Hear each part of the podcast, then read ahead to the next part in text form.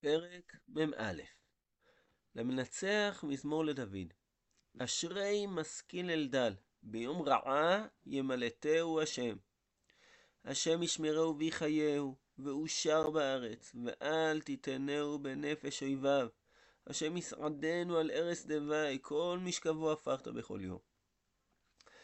דוד פותח בעצם במשכיל אלדל. זאת אומרת שצריך איזושהי השכלה ביחס לדל. מי זה הדל הזה? על מה מדובר כאן? ביום רעה ימלטהו השם? איזו רעה מדובר פה? השם ישמרהו ויחייהו ואושר בארץ, ואל תתנהו בנפש אויביו? על מה מדובר? אני אמרתי, ממשיך דוד, השם חונני, רפאה נפשי, כי חטאתי לך. ככה אני חשבתי. אויבי יאמרו רע לי, מתי ימות, ועבד שמו. אם בא לראות, שב ידבר ליבו. יקבוץ אבן לו, יצא לחוץ ידבר. נראה שאנחנו יכולים לומר משהו על הדל הזה, ועל מה שקרה פה בין דוד לאותו דל. הדל היחיד שכתוב עליו בסיפורי דוד שהוא דל, זה אמנון. ישנו סיפור על אמנון ותמר, שיונדב בן שמעה, ראה, הוא ראה, הוא היה איש חכם מאוד, והוא ראה את אמנון, ושאל אותו, מדוע אתה ככה דל בן המלך בבוקר בבוקר? הלא תגיד לי. ואמנון אמר, אני דל בגלל שאני אוהב את תמר, אחות אבשלום.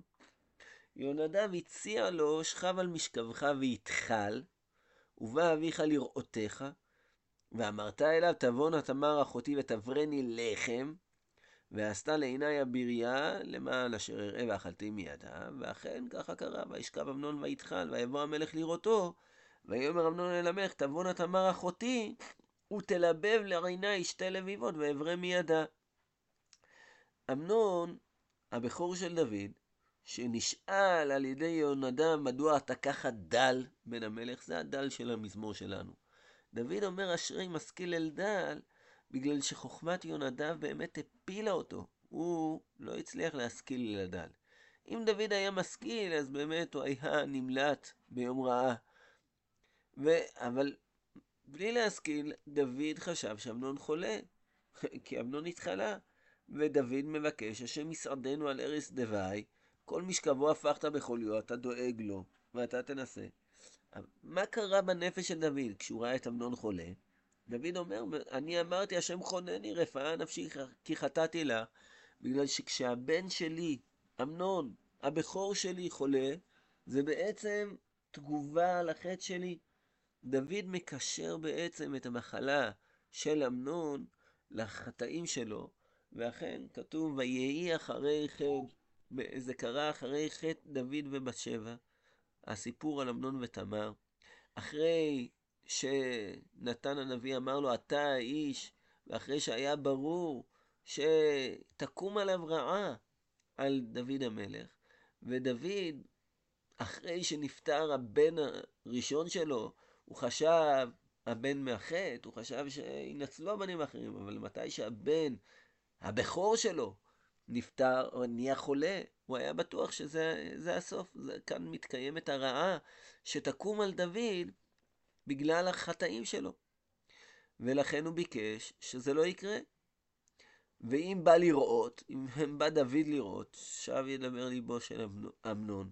הוא יקבוץ אבן לו, יצא לחוץ ברגע שדוד יוצא החוצה, אז אמנון מדבר ומוציא, בסופו של דבר כתוב שהוא מוציא אותה החוצה, מוציא את תמר החוצה. דוד לא הבין, לא השכיל, אלא דל שזה באמת היה דבר גרוע. באמת זה היה חלק, זה היה הכישלון שלו מול דל. אבל מה שקורה עכשיו זה החלק השני של המזמור. שזה אחרי שדוד השכיל.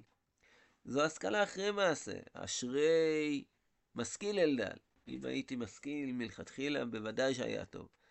אבל גם עכשיו, הוא חוזר ומתפלל.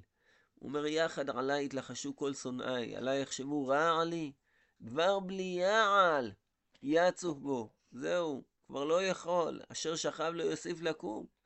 גם איש שלומי אשר בטחתי בו, אוכל לחמי, הגדיל עלי כאב. כן, אפילו אותו ינדב בן שמעה, גם הוא מבזה אותי. ועכשיו דוד פונה להשם ומבקש, ואתה השם חונני והקימני. ואשלמה להם, אני אשלם לאויבים שלי.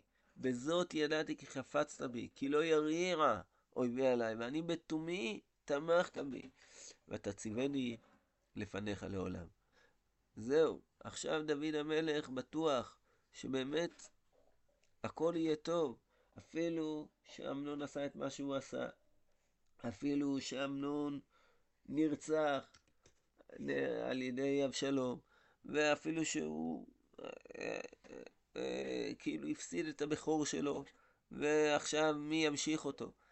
עכשיו דוד המלך מתפלל להשם ואומר, אני בתומי תמכת בי ותציבני לפניך לעולם.